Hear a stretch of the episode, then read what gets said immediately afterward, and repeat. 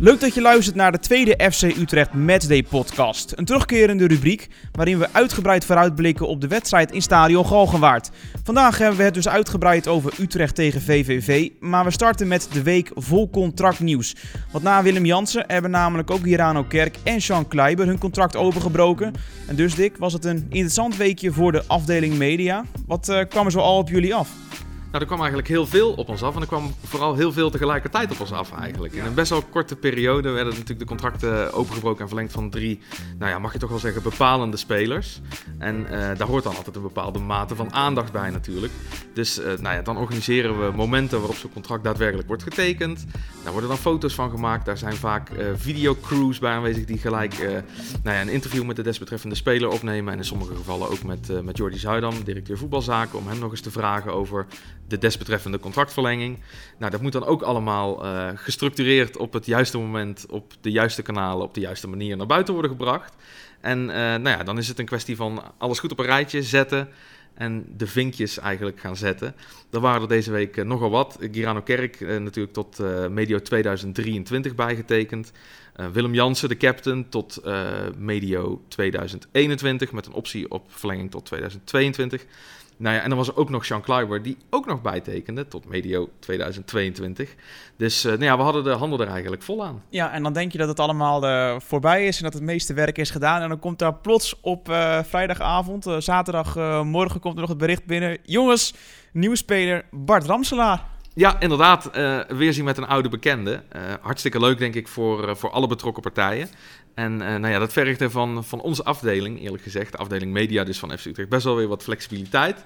Het was toch wel weer zaak dat we met z'n allen vrij snel nou ja, uitrukten en ons werk deden eigenlijk. Maar nou ja, dan zie je dat we daar eh, gelukkig met z'n allen heel goed eh, toe in staat zijn. En uh, dat we het allemaal heel leuk vinden om te doen ook. En dat leverde weer allerlei mooie, mooie producties op. En uh, nou ja, zo konden we dus de wereld inbrengen dat Bart Ramselaar is teruggekeerd bij FC Utrecht. Ja, en ik had zelf de eer om met, met Bart te mogen spreken. En ja, die was verheugd om weer terug te zijn bij zijn club, zijn stadion Galgenwaard. Het voelt als thuiskomen. Ik ben weer goed opgevangen en ik ben blij om hier te zijn.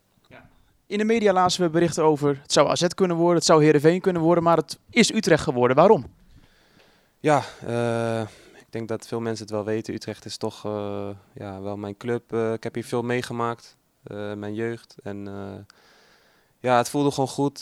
veel met Jordi ge gesproken en ja, dat, dat straalde vertrouwen uit. En ja, nogmaals, ik ben heel blij om hier te zijn. Met wie heb jij allemaal contact gehad? En dan bedoel ik uit de spelersgroep.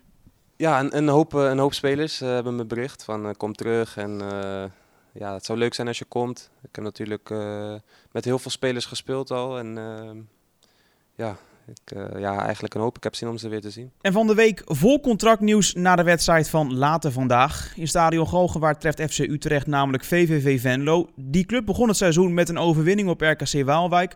Gevolgd door nederlagen tegen Sparta Rotterdam en Ajax. Nou, het lijkt mij mooi dik om nu eh, te starten met Utrechts Paspoort. De rubriek waarin we testen hoe goed de luisteraar een voormalig speler van de FC kent. Vandaag gaat het dus over iemand die zowel voor Utrecht als VVV heeft gespeeld. Uh, persoonlijk moet ik gelijk denken aan Chris Koem. Maar ik denk dat jij dat uh, te gemakkelijk vond om daarmee aan te komen.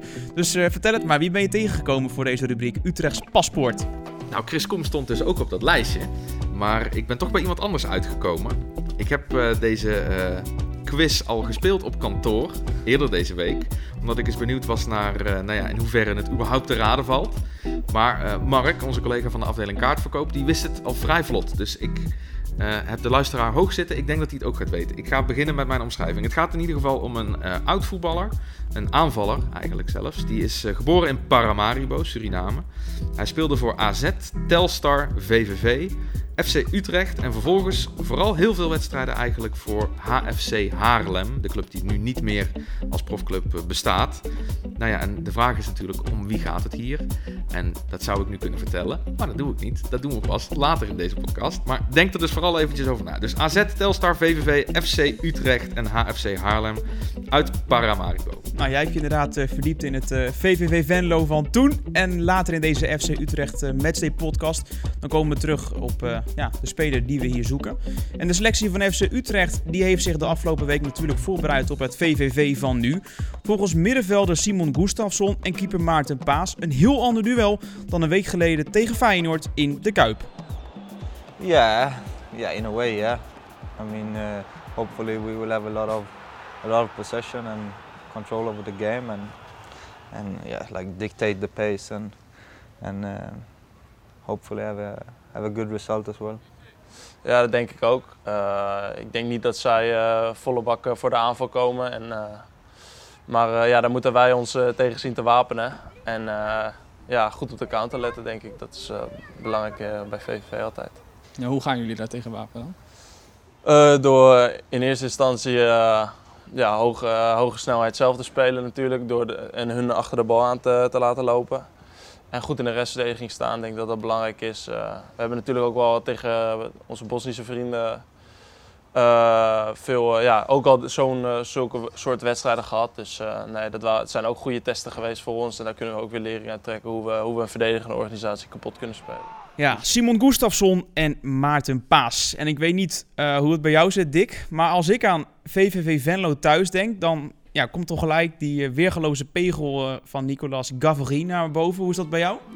Ja, dat was een wereldgoal in ieder geval. Ik kan me nog goed herinneren dat ik die bal erin zag uh, vliegen. En ja, Stadion Galgenwaard stond op zijn kop op dat moment. Hè. Gustafsson. Gavri gaat het proberen. Gaat het proberen. En dat is mooi zeg. Nicolas Gavri. 1-0 FC Utrecht. In de 23e minuut. En dan is hij toch verslagen, Lars. En van praktisch diezelfde plek, ook met links, ja we verzinnen het echt niet, scoorde ook Kaisuke Honda. Dat was praktisch 10 jaar geleden op misschien wel net zo mooie wijze. Het was de 2-2 en dat klonk zo. Zelfde maar schieten. Honda, niet te geloven! Wat een werelddoelpunt! Hij is vakkundig uit de wedstrijd gespeeld door Silberbouwer. Geen bal gehad eigenlijk, maar wat een doelpunt! Ja, een geinig feitje dat inderdaad uh, zowel Gavory als Honda van vrijwel de identieke positie zo mooi scoren. Geinig feitje vooral inderdaad, want jij hebt vast meer, nou ja, wat, zullen we, wat zullen we ervan maken? Echte formele feitjes, de boeken? Ja, feitjes en weetjes. Ik ben natuurlijk weer eh, de boeken ingedoken, Corné, zoals je dat van me gewend bent.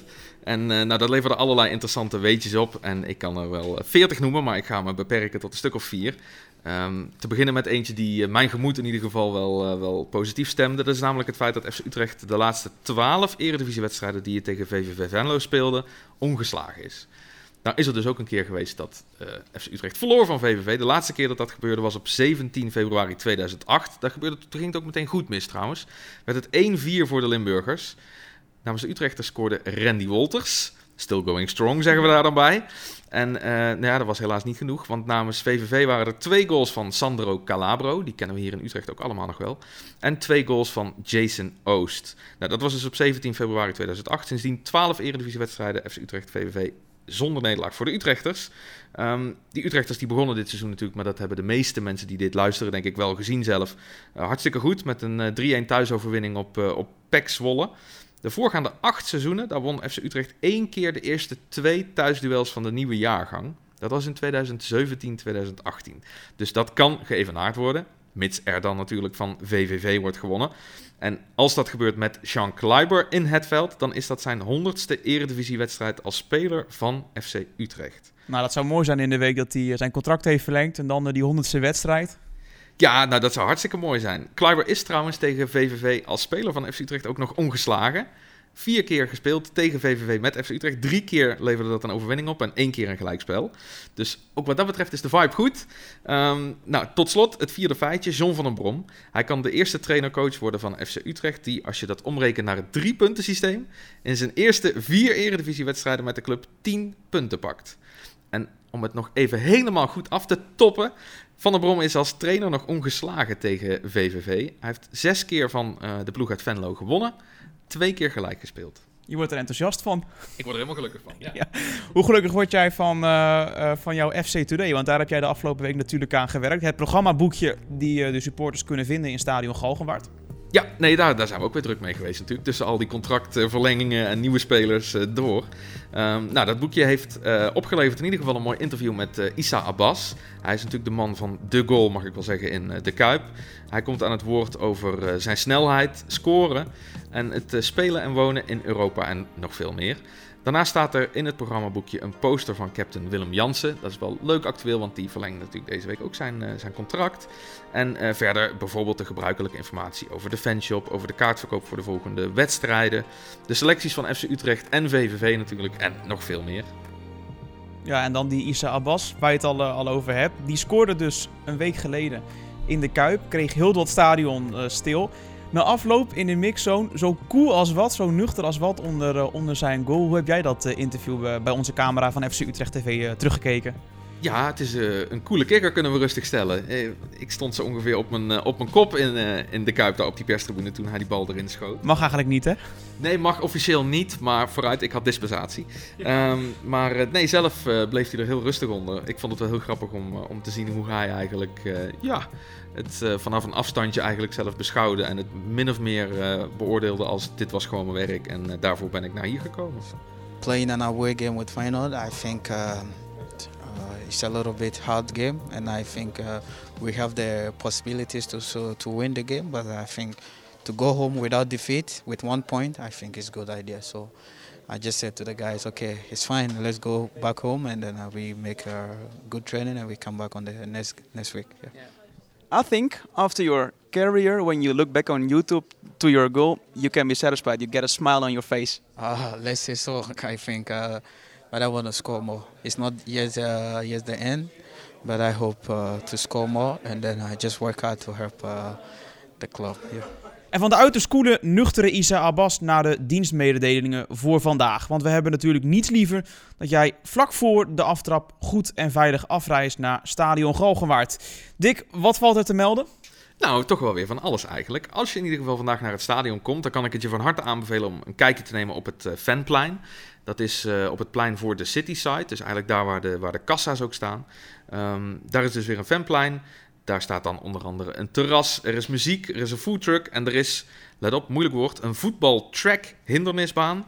Een voetbal darts spel kun je er spelen. Er is ook nog een omhaalarena. Ik denk dat ik die zelf even oversla. Um, en natuurlijk staat de caravan van de fanshop uh, er ook. En dan kan ik nog over die hindernisbaan zeggen, over feitjes en weetjes gesproken. 17 meter lang, Corné. 17 meter lang. 17 meter, maar jij uh, gaat hem niet, uh, hè? Jij gaat er niet gebruik van maken? Nee, ik heb zo mijn eigen hindernisbaan. die ik, uh, die ik al doorloop. Um, nou, wat ik verder nog kan zeggen is dat er vrije kaartverkoop is. De kassa's die zijn open vanaf half 1. Dus vanaf dat moment kun je bij de kassa's een kaartje kopen. Dat kun je natuurlijk ook gewoon online doen via www.fcutrecht.nl slash tickets. Um, verder is het goed om te vermelden dat er een minuut stilte is voor aanvang van de wedstrijd en dat de selectie van FC Utrecht rouwbanden draagt. Dat is ter nagedachtenis aan de overleden oud-voorzitter Kees Werkhoven. Hij overleed afgelopen zondag, dus vorige week eigenlijk, in zijn woonplaats Nieuwegein op 87-jarige leeftijd. En daar wordt bij stilgestaan in Stadion Galgenwaard. Wat verder nog even goed is om ook te vermelden, is dat het toch best wel heel warm wordt vandaag. Dus hou daar rekening mee als je straks naar het stadion komt. Um, zorg ervoor dat je jezelf goed insmeert voor het geval je in de zon zit. En uh, draag indien mogelijk wat uh, lekkere luchtige kleding. Dat is echt wel aan te bevelen. Over aanbevelingen gesproken. Ik kan het een ieder ook van harte aanraden om uh, zich te abonneren op deze podcast. En als je dat dan toch aan het doen bent, laat ook even een review achter. Dat vinden we leuk. We horen graag wat jullie ervan vinden. En eerlijk gezegd, dat is ook wel weer goed voor de ranking van deze podcast. Dus doe dat vooral eventjes. Ja, ik ben het helemaal met je eens. Abonneer gewoon op, op onze podcast. En als jij wil meedenken of mee wil praten, dan is dat ook een optie. Je komt met ons in contact door op Twitter de hashtag FC Utrecht podcast te gebruiken. Of je mailt en dat kun je doen naar het mailadres socialmedia.fcutrecht.nl.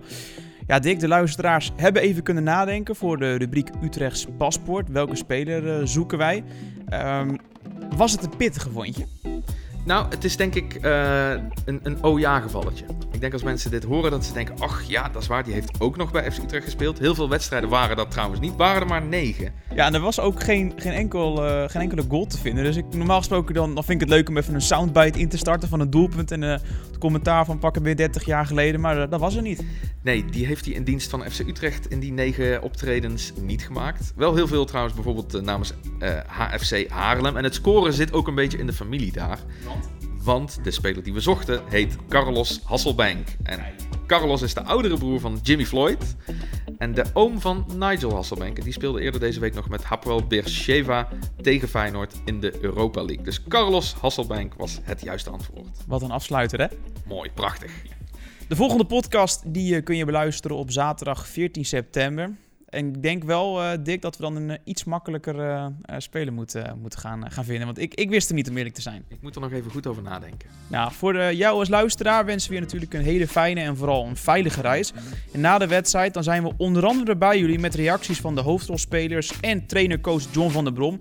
Die kun je zien via youtube.com slash FC Utrecht. En het wedstrijdverslag dat lees je natuurlijk op fcutrecht.nl. Bedankt voor het luisteren en heel graag tot de volgende FC Utrecht Matchday podcast. Doei doei!